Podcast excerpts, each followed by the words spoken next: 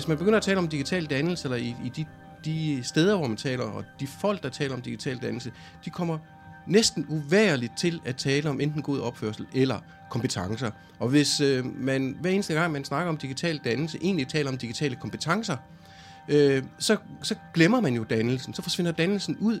Så derfor er det ikke uskyldigt, når folk de taler om digital dannelse, hvis de kommer til at knytte det til måden, som vi kan, vi kan bruge digitale værktøjer på. Sådan siger uddannelsesforsker Ove Christensen. Kom med på jagten efter det digitale i digital dannelse i denne udgave af Didakter.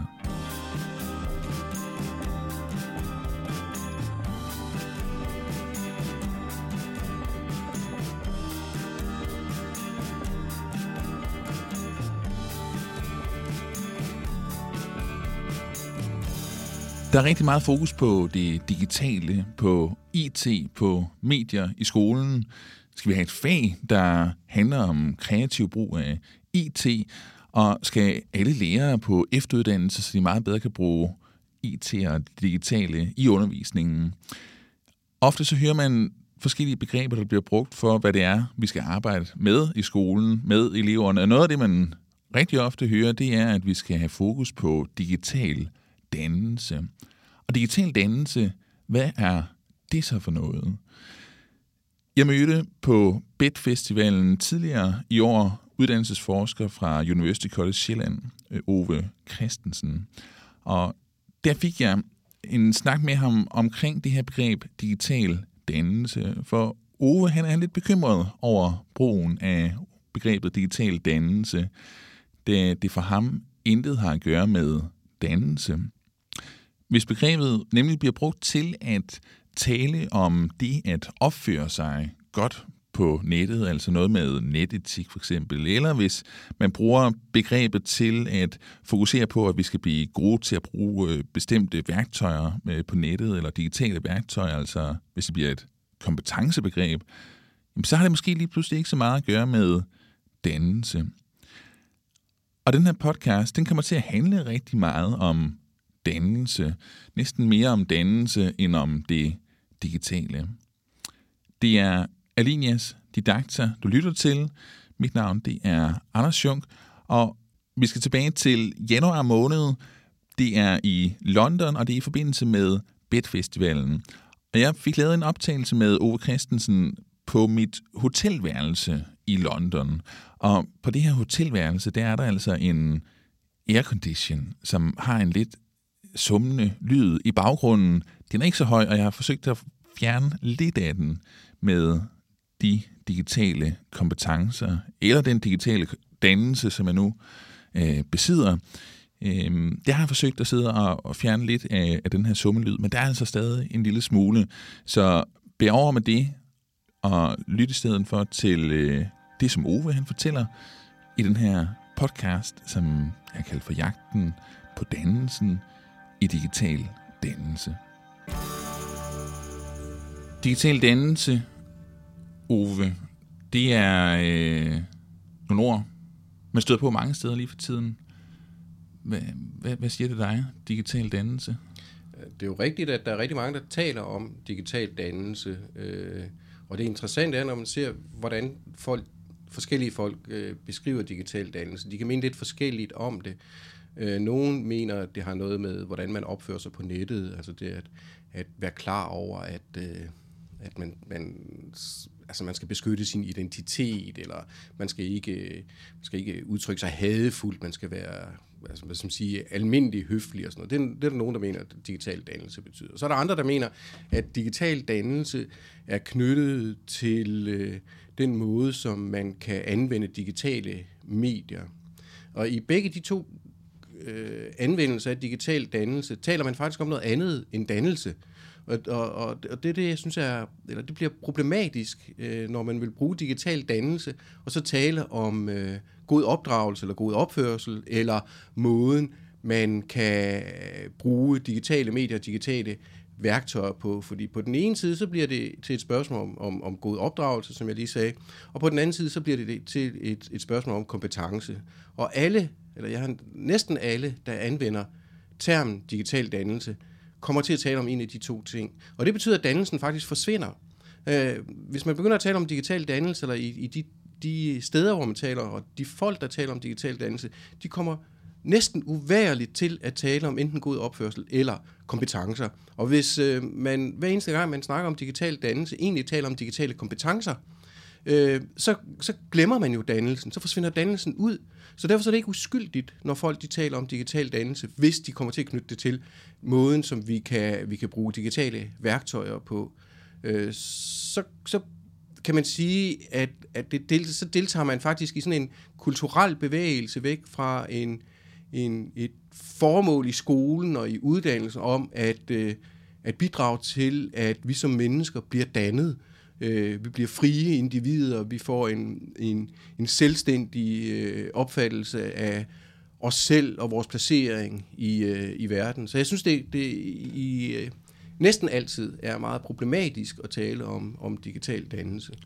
Ja, så, så det er ikke fordi, at du synes, at, øh, at, det, det, at det er forkert at sige, at øh, digital dannelse handler om øh, øh, kompetence i forhold til at lave en, en hjemmeside, eller at digital dannelse handler om øh, god opførsel på nettet. Det er fordi, du synes, at den her sammensætning af digital og dannelse er forkert. Så det, det er hele ideen om at tale om digital dannelse. Ja, det er faktisk hele ideen om at tale. Fordi når man taler om digital dannelse, så kommer man til at tale om noget andet, og så forsvinder dannelsen. Og jeg, jeg synes faktisk, øh, jeg synes, det er vigtigt, at... Øh, børn, unge og også mere modne voksne, at vi, øh, vi opfører os ordentligt, når vi er i vores øh, online communities.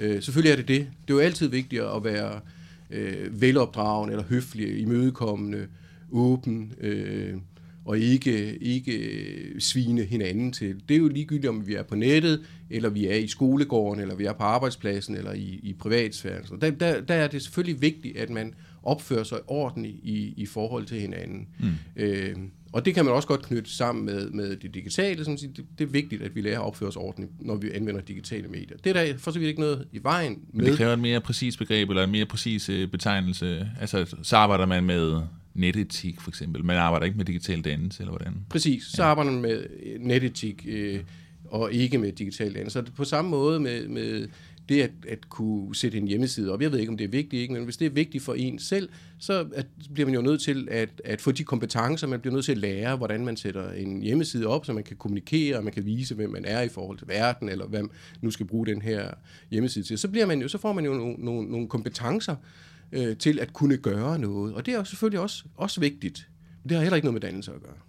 Man kan sige, at hvis man skal være dannet i dag, altså det at kunne sætte sig selv i verden, som et individ, som, som får en placering, eller, eller som, som sætter sig selv i spil i verden, så kan det godt være, at man også øh, har brug for at øh, beherske eller tilegne sig færdigheder i forhold til øh, digitale medier. Jeg, jeg har svært ved at se, at man kan give udtryk for sig selv i dag, og så helt være frakoblet øh, brugen af digitale værktøjer. Det er ikke, det er ikke umuligt måske, men, men jeg, jeg, jeg anser det ikke for, for særlig hensigtsmæssigt, at man ikke også kan anvende forskellige digitale værktøjer, som for eksempel at, at anvende Twitter.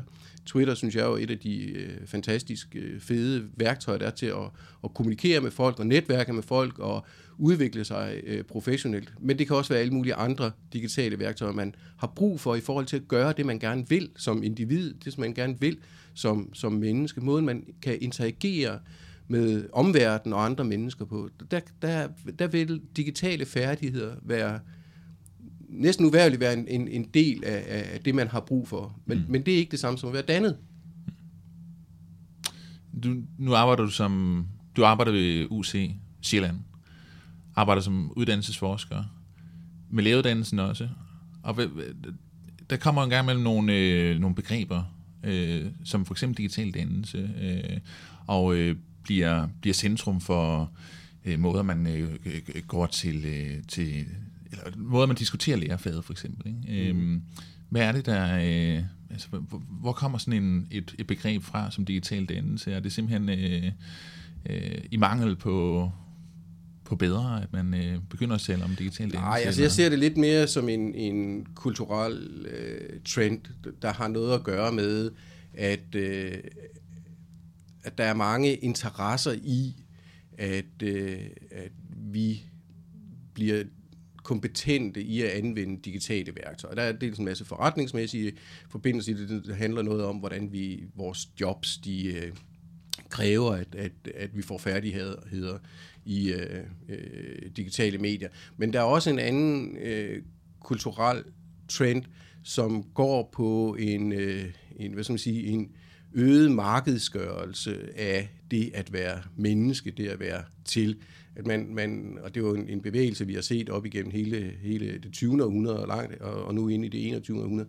Altså en, en, en måde, hvor man i højere og højere grad kan øh, blive noget ved måden, man forbruger noget på, eller producerer noget på. Og det vil sige, at vi får sådan en, altså uden at komme til at lyde sådan, sådan, sådan alt for, for hippieagtigt, men så får vi sådan en, en, en øget opmærksomhed om, hvordan at, at man bliver til igennem forbrug, eller igennem markedsgørelse, eller det at, at, at være øh, forbruger. Og når man taler om digital dannelse, så er det kan, kan det faktisk ses som en del af det. Ikke? Det kan ses som, som, som en yderligere måde at, at, at fjerne sig fra, hvad det betyder at være et individ, hvad betyder det at være et, et, et, et selvstændigt, demokratisk menneske, hvor man skal forholde sig til omverdenen og til hinanden. Hvis, hvis det bliver gjort til noget, som, som egentlig handler om, om øh, hvordan man kan, man kan forbruge digitale værktøjer eller anvende digitale værktøjer, øh,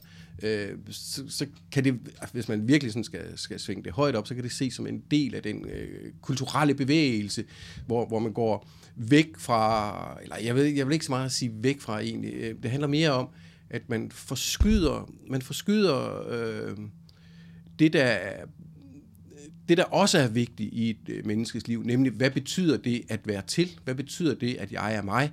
Øh, og så får man det erstattet af noget andet. Vi så det jo også i, i, øh, i 60'erne og 70'erne, der havde vi sådan en kraftig kritik af forbrugersamfundet. Det, det var lidt den samme, der var på spil der. Ikke? Altså, der, der var der mange, der, der, der sådan, forholdt sig kritisk til, at man kun blev menneske igennem de produkter, man, man, øh, man forbrugte dengang. Og det er det, vi ser videreført i, i øh, spørgsmålet spørgsmål om digital dannelse. Man kan også set fra en, en lidt anden vinkel, så kan man se det ud fra sådan en politisk ønske. Ikke? Altså, hvis vi tænker på sådan noget som, som altså igen skal man passe lidt på, ikke? Men sådan noget som, at, at konkurrencestaten, eller vi er placeret i en verden, hvor vi altid er øh, hvad skal man sige, i krig med hinanden, eller, eller vi konkurrerer med hinanden om at få det fede eller det bedste. Eller sådan Der, der spiller digital dannelse jo også en, en rolle. Hvis vi kan, hvis vi kan øh, få fokus i retning af, hvordan vi behersker det digitale, øh, så kan det også være en, et, et led i, hvordan vi klarer os bedre i konkurrencen med kineserne, eller amerikanerne, eller tyskerne, eller englænderne. Eller,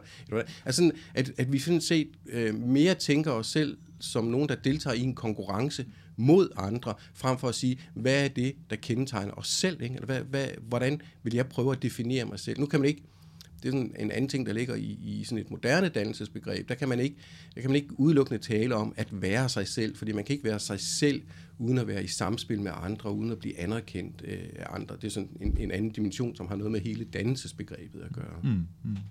Jeg tror noget af det, som mange sidder med som en udfordring ude i skolerne, det er jo det her med, at der er noget med det digitale, der skal i spil i undervisningen, og noget med at få eleverne til at forholde sig til digitale medier og digitale udtryksformer øh, i undervisningen, øh, så de bliver, vant, eller bliver bekendt med de digitale udtryk ude i verden, når de møder dem.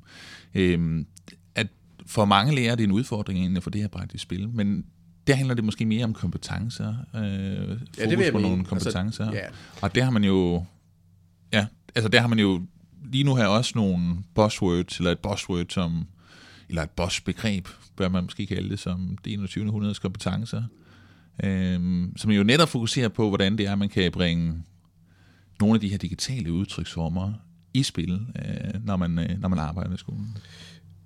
Ja, og det er der jo rigtig meget at sige til. Altså, for det første kan man tale om, altså når man taler om det 21. århundredes kompetencer, så taler vi typisk om, om de fire K'er, øh, som er kreativitet, øh, kommunikation, øh, kritisk øh, tænkning og kollaboration, eller samarbejde, eller forpligtende samarbejde. Det er typisk de fire elementer.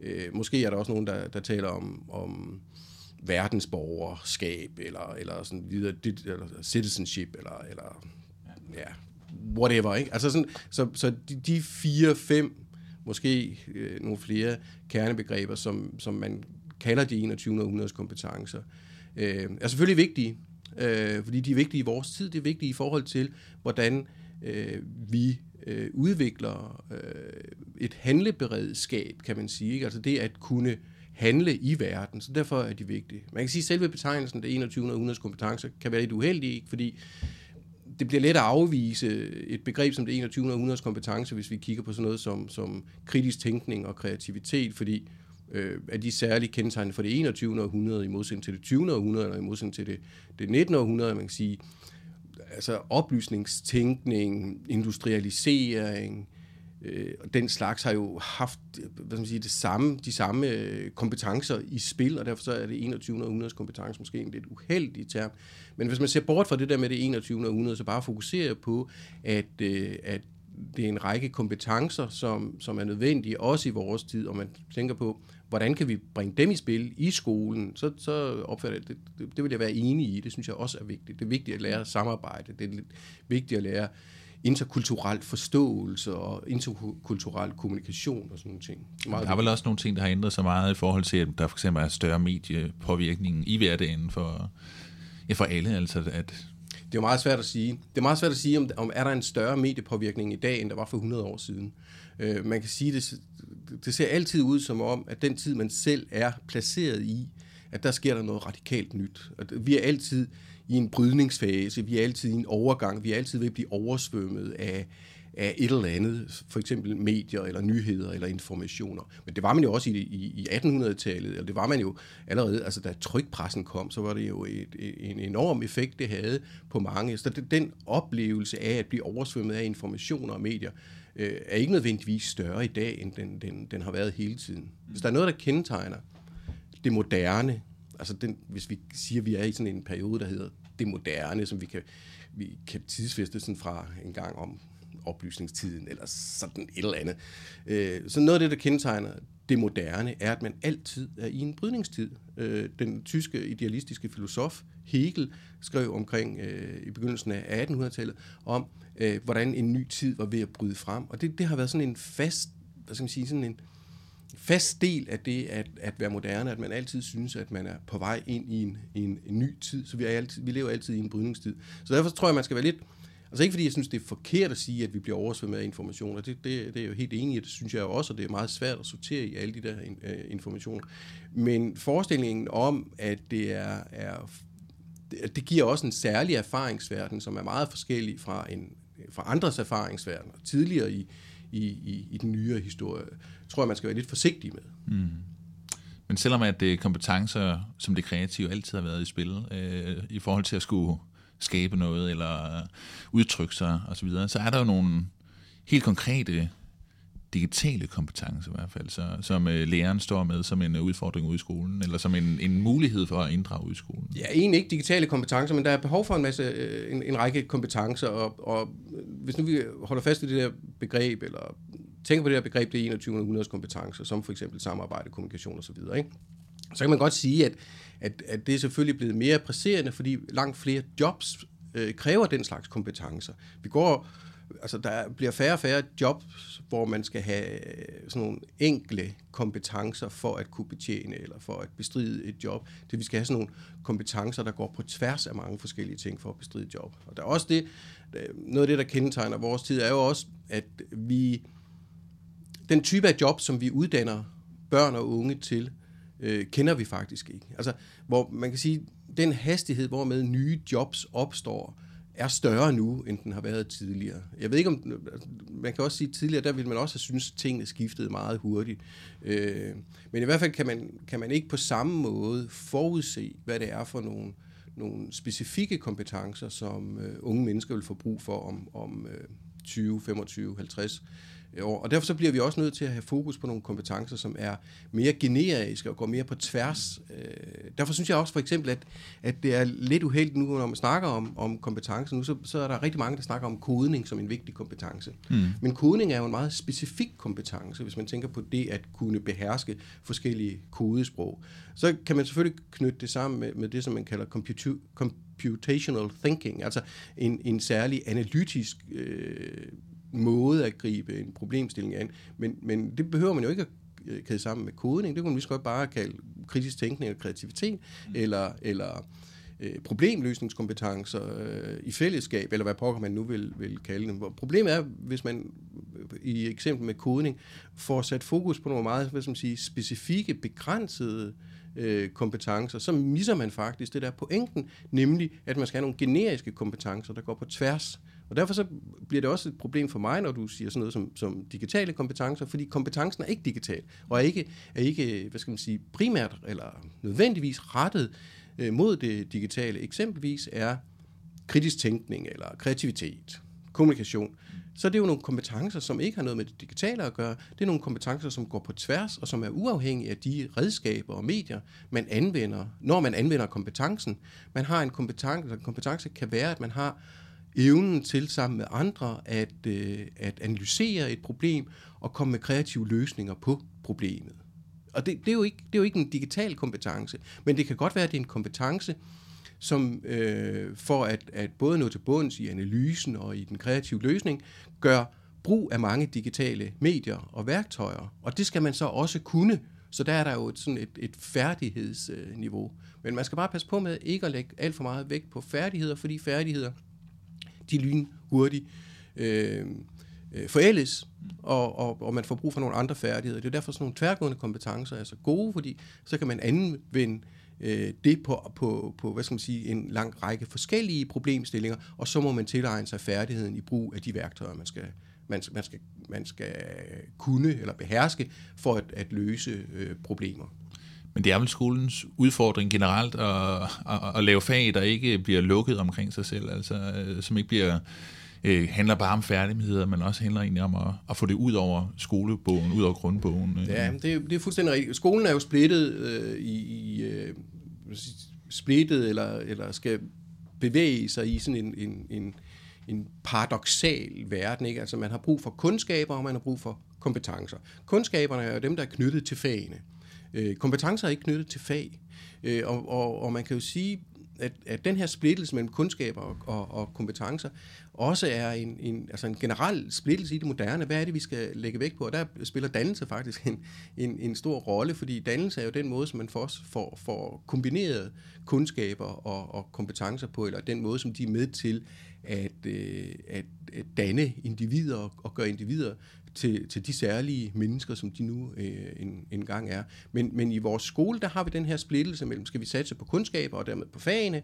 Det er der jo nogen, der mener, og det er der faktisk nogen, der mener, også i forhold til at holde fast ved det dannelsesaspekt, som ligger i skolen og i folkeskolens øh, øh, formål. Eller skal man snarere hvad skal man sige, åbne skolen i forhold til verden og begynde at, at lave en skole, der i højere grad ligner verden, eller i hvert fald som ikke, ikke behandler verden, som om den kan deles op i nogle fag. Ude i verden, der findes der jo ikke fag. Man er, man, jeg går jo ikke ud i verden med min, min med en dansk brille på, og, og, eller en matematikbrille på. Nej, jeg går ud i verden som den, jeg er, og så skal jeg interagere med omverdenen og med andre mennesker. Og der trækker jeg på, på, på mange forskellige øh, kundskaber. Det betyder, der kan man så have den opfattelse, at skolen vil være bedre stillet, eller børnene vil være bedre stillet, hvis vi ikke havde fag.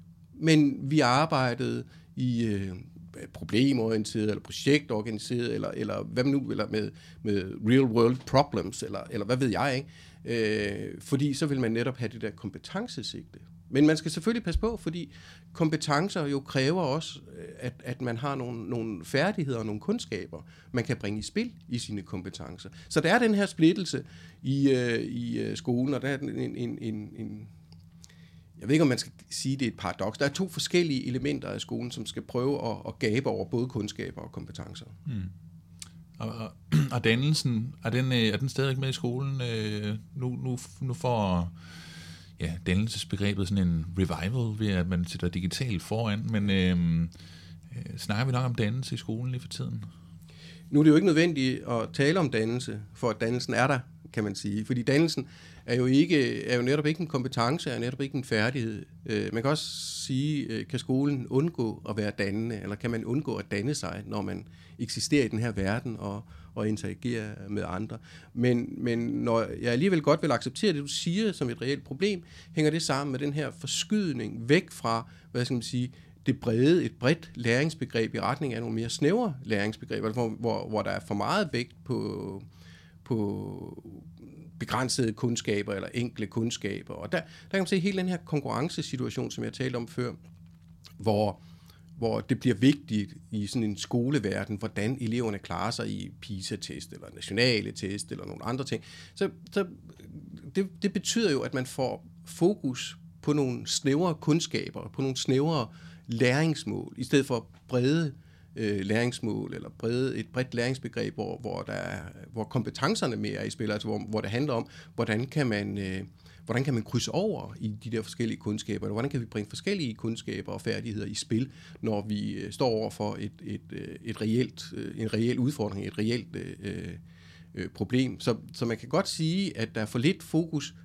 på dannelse i skolen, fordi der er alt for meget fokus på en forestilling om, at undervisning er en konkurrencesport. Og det, det jeg synes det er det helt store problem med, med alle de der øh, PISA-tester og, og hvad de nu hedder alle sammen. Ik, ikke at man tester, det, jeg har ikke noget som helst øh, problem med, at, at man tester og kigger på, hvordan man kan, man kan få feedback øh, loops ind i øh, undervisning. Det er, det, det er vældig fornuftigt og vældig, vældig godt. Problemet er, at hvis man bruger test som en, øh, en vurdering af, hvad man er værd, eller øh, som en, en, en kamp imellem forskellige, at du klarer dig så den, den her skole, eller du klarer dig så og så godt, sammenlignet med nogle andre, så bliver det et problem, fordi så er det, så bliver det vigtigt, hvordan man ligger i konkurrencen, og ikke, at man kan bruge testen til at sige, jamen er der noget her, øh, som vi skal arbejde videre med, og få den her test i det hele taget fat i, i, i det hele barn, eller, eller få det fat i, hvad er det for nogle elementer, den her Øh, specifikke test, den øh,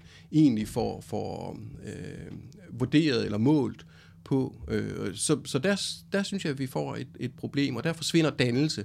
Fordi hvis, hvis øh, det kommer til at handle om, om, hvordan vi kan klare os i nogle, nogle enkelt definerede, specifikke kundskaber eller, eller læringsmål, så er der ikke plads til det, der overskrider og, så, og problem, problemet er jo ved, ved al den slags øh, test, vi siger, at vi, vi underviser børn, og vi vil gerne have sådan et, nogle hele mennesker ud af det. Øh, det kan vi heller ikke undgå, for børn de er skide robuste, så vi ødelægger dem heldigvis ikke. Eller det lykkes os ikke at ødelægge dem alt for meget. Men vi vil gerne have hele mennesker ud af det her. Så prøver vi at omsætte det til, til nogle øh, måder at teste på, hvor godt går den her øh, proces. Problemet er så, at så skal vi oversætte det her, det her brede lærings begreb, det her brede syn på barnet til nogle enkelt målbare størrelser. Og hvis vi tror, at det er de målbare størrelser, der er det vigtige, så er det jo netop, at vi misser blikket, eller mister blikket for det hele barn og for, for, for det brede læringsbegreb. Det er det der problem med, med test, ikke testen i sig selv. Test kan, kan hele tiden være sådan en, en, en, en måde at sætte spørgsmål ved, om vi har fat på det rigtige, og om vi bevæger os det, det rigtige sted hen. Der er nogen, der siger, og det synes jeg er vældig klogt, at data og i det hele taget det der med at opfange, øh, eller øh, registrere øh, og teste elever, det stiller spørgsmål, man giver ingen svar. Og det, det, sådan tror jeg også, man skal prøve at kigge det. I stedet for at sige, at, at vi bruger test som svar på, hvor vi er henne, så skal vi bruge det til test til at sige, jamen har vi fat i det rigtige, og hvordan går det? Og hvad kan vi bruge det her til? Og hvad siger det egentlig om, om barnets øh, læringsproces? Mm. Og, og der har vi vel også brug for at have nogle mål, så for at vi kan øh, stille de spørgsmål.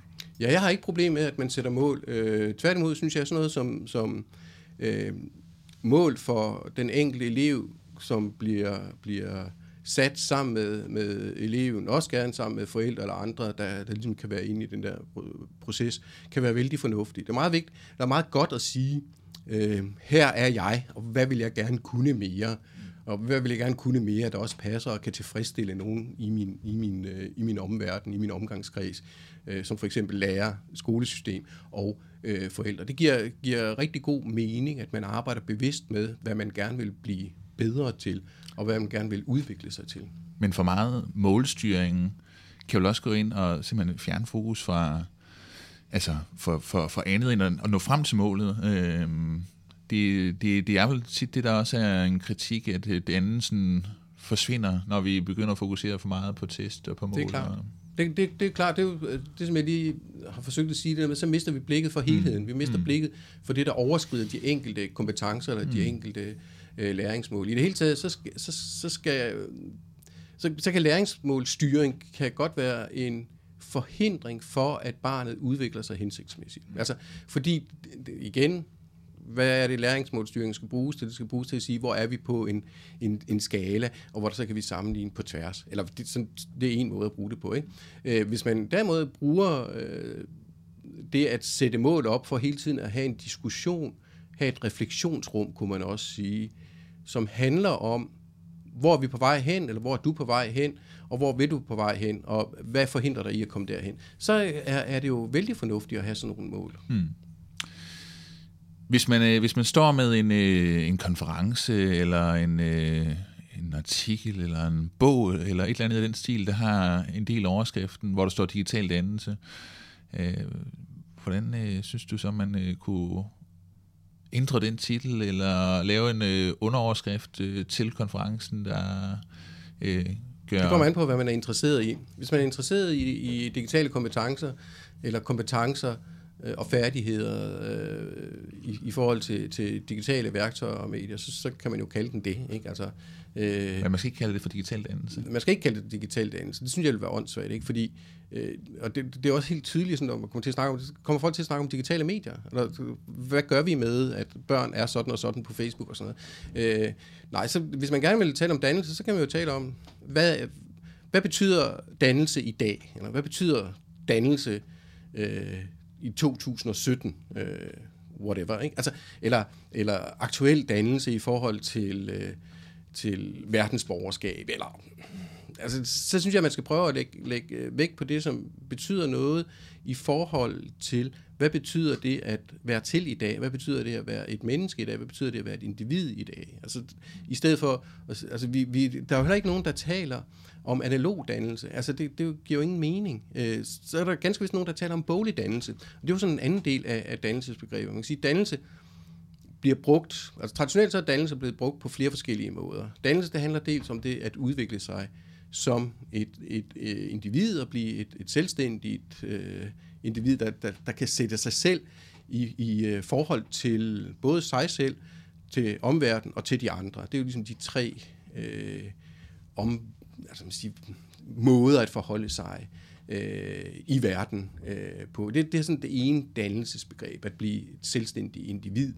Øh, et myndigt individ, som, som Immanuel Kant, han blandt andet øh, eller blandt andre taler om. Så er der et andet dannelsesbegreb. Det handler om, om borgerlig dannelse eller klassisk dannelse. Det handler om at have et vidensberedskab i forhold til det kanoniske. Eller det vil sige, at man ved lidt om, om videnskaberne, man ved lidt om litteraturen og kunst, man kender de, altså, de kulturelle øh, milepæle eller, eller hvad skal man sige, højdepunkter, øh, og kan tale, hvad skal man sige, dannet i forhold til, at man kan henvise til øh, kulturen øh, og videnskaben som, som sådan en referenceramme. Det er sådan et, et, et dannelsesideal, som man fik i, i, især i, i 1800-tallet, der, der blomstrede det meget. Det var, det var måden, som borgeren kunne blive borger på, altså i modsætning til adelen.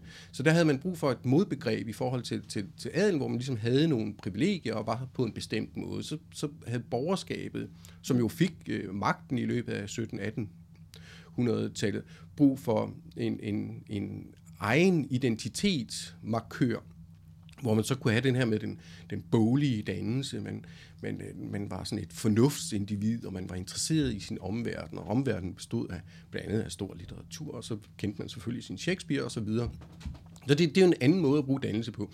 Det kan man også sige i dag. I, I dag kan man jo også både have, hvad skal man sige, en forestilling om, hvad betyder det at være menneske i dag? Men man kan også have Øh, og det vil så være mere, mere gruppespecifikt, nogle forestillinger om, hvad skal der til for, at jeg bliver anerkendt i øh, af mine peers, eller i, den her øh, gruppe. Og der kan det være, at man bliver nødt til at vide noget om, om rockmusik og popmusik, eller hvad ved jeg. Ikke? Altså man får sådan nogle, der er nogle, nogle must-haves, eller sådan et eller andet i, i, i ens øh, referenceramme, man kan tale med om. Mm om, om film. Altså når, hvis jeg skal anerkendes i, i en, en gruppe af film, så kender jeg selvfølgelig Lars von Triers film, og kan lige sige lidt om, øh, hvordan de er i forhold til øh, europæisk modernistisk film, eller hvad ved jeg. Ikke? Altså, der, er sådan, der vil man have brug for en, en særlig referenceramme, som er nogle markører af et særligt tilhørsforhold til et community, til et, et, et, en gruppe af, af, af andre mennesker. Det der er nok, jeg ved ikke om det er specifikt for vores tid, ja, det vil sige sådan, ja, det ved jeg ikke, de sidste 50 år, det er, det er nok, at man kan tilhøre mange forskellige, eller flere forskellige grupper. Og det ved jeg ikke, om det helt har været på samme måde tidligere. Ikke? Altså, der var man nok mere i nogle, nogle, nogle, nogle få grupperinger. Ikke? Så hvis man var klassisk borgerligt dannet, altså så var man ligesom i, i den kreds, og var så ikke i så mange andre kredse. Måske, jeg ved ikke. Man skal altid passe på med det der med at lave sådan nogle øh, dengang og nu øh, sammenligninger, fordi, øh, øh, fordi dybest set så er der ret meget, vi, vi ikke ved om dengang, og typisk så gør vi dengang øh, meget sådan, typisk det meget sådan noget forenklet. Øh, så det skal man lige passe lidt på. Ikke? Men, men, jeg, men vi har stadigvæk de der to, to betydninger af dannelse. Det ene altså, det handler om, hvordan, hvordan bliver jeg menneske, eller hvordan udvikler jeg som selvstændigt menneske, et myndigt individ på den ene side, og så det, man skal iklæde sig for at blive anerkendt i nogle specifikke gruppemæssige sammenhænge. Mm. Men lige nu her, det taler man stadigvæk om digital dannelse, og for at runde af nu her. Så, det skal man lade være med. Man skal holde op med det. Men hvad skal jeg kalde den her podcast, Uwe? Den lige... Ja, det er et godt spørgsmål, ikke? Altså, nu... Jeg skal gerne have folk til at lytte til den, og ja, jeg tror, hvis jeg skriver digitalt dannelse, så tror jeg, der kommer nogle lyttere. Det tror jeg, du har ret i. Øh, jeg har også hørt en, en anden, øh, Thomas Ilum Hansen, han har talt om digital dannelse som, som et kampagnebegreb. Ikke? Altså det er en måde at få opmærksomhed på. Og det har han jo også ret i. Altså hvis man vil, hvis vil have, der er nogen, der skal lytte til en, så taler man om digital dannelse, så kommer ja. folk, så gider de godt at lytte. Sådan. Men i hvert fald... Jeg tror, jeg vil overlade det der med titlen øh, til dig. Altså ja. jeg har jo ikke noget problem med at øh, deltage i noget, der hedder digital dannelse. Jeg har også holdt foredrag om, mm. hvor jeg har været inviteret til at, at tale om digital dannelse. Så siger jeg, ligesom jeg har sagt til dig nu, at, øh, at for mig giver det begreb ikke nogen mening.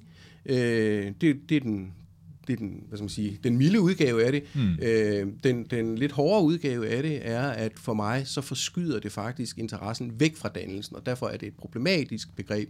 Og man kan ikke, der er jeg uenig med, med, med Thomas Ilum, man kan ikke Øh, bare sige sådan hyggeligt. Jeg bruger det bare som kampagnebegreb for at komme i diskussion og snak øh, med nogen, fordi sproget er også med til at danne vores verden. Og når, når vi taler om digital dannelse, og hvis folk de forstår digitale kompetencer ved det, så er det det, der bliver øh, fokuspunktet i digital dannelse. Og det, det synes jeg er dybt problematisk. Og jeg vil meget hellere have, at vi får skilt øh, tingene af, så vi kan tale kompetencer, når vi vil gerne tale kompetencer, og vi kan tale dannelse, når vi gerne vil tale dannelse. Og der er ikke nogen grund til at sige, at dannelsen skulle have, altså, skulle være en, en særlig form for dannelse nu. Jo, i, i, i det der med den, i forhold til, til borgerlig dannelse, kan man sige, der kan det godt være, at vi har brug for at, at tale om, om senmoderne dannelse, eller, eller hvad ved jeg ikke, altså sådan for at, at markere, at, at øh, det, hvad skal man sige, det er en referenceramme, man bliver nødt til at have for at blive anerkendt af andre, at den ændrer sig øh, historisk. Det, det, det er jo klart, det gør den. Men når vi taler om dannelse, det som er kernepunktet i dannelse, så er der ingen grund til at tro, at det handler om noget andet, end, end, end det har gjort i øh, hvad skal man sige, hele den øh, moderne tid. Der er dog også her, øh, altså skal man være opmærksom på, på noget. Altså, hvis, hvis man kigger på på dannelsens, eller dannelsesbegrebet sådan i idehistoriske øh, fundering, så kommer den jo ud af, af, af oplysningstiden, kommer ud af den tyske idealisme. Og i, i den tyske idealisme, der havde man jo en forestilling om, at jeget kunne være noget selvberoende, altså noget, som var i sig selv. Øh, og, og, og den tyske idealistiske filosof Immanuel Kant, han snakker om, hvordan den enkelte skal benytte sig af sin egen forstand, uden, eller sin egen fornuft, uden at blive, blive ledt af noget andet. Og der må vi sige, at at det enkelte menneske kan ikke forstås i sin, i sin enkelhed. Der er ikke noget enkelt jeg, eller der er ikke nogen... Altså, jeg kan ikke have min egen fornuft, fordi min egen fornuft altid er i samspil med øh, dels mig selv som, som krop og menneske, dels med, med andre mennesker, og dels med den omverden, som jeg er en del. af. Altså det, det, det, man skal mere forstå dannelse som noget, der sker i nogle, nogle, nogle konstellationer med verden. Man indgår i konstellationer med verden. Men det ændrer ikke ved, at dannelsen handler om, hvordan bliver jeg mig. Hvis man vil øh, diskutere det her med dig, øh, udfordre dig på det, er Twitter et godt sted at øh, hive fat i dig, ikke? Øh.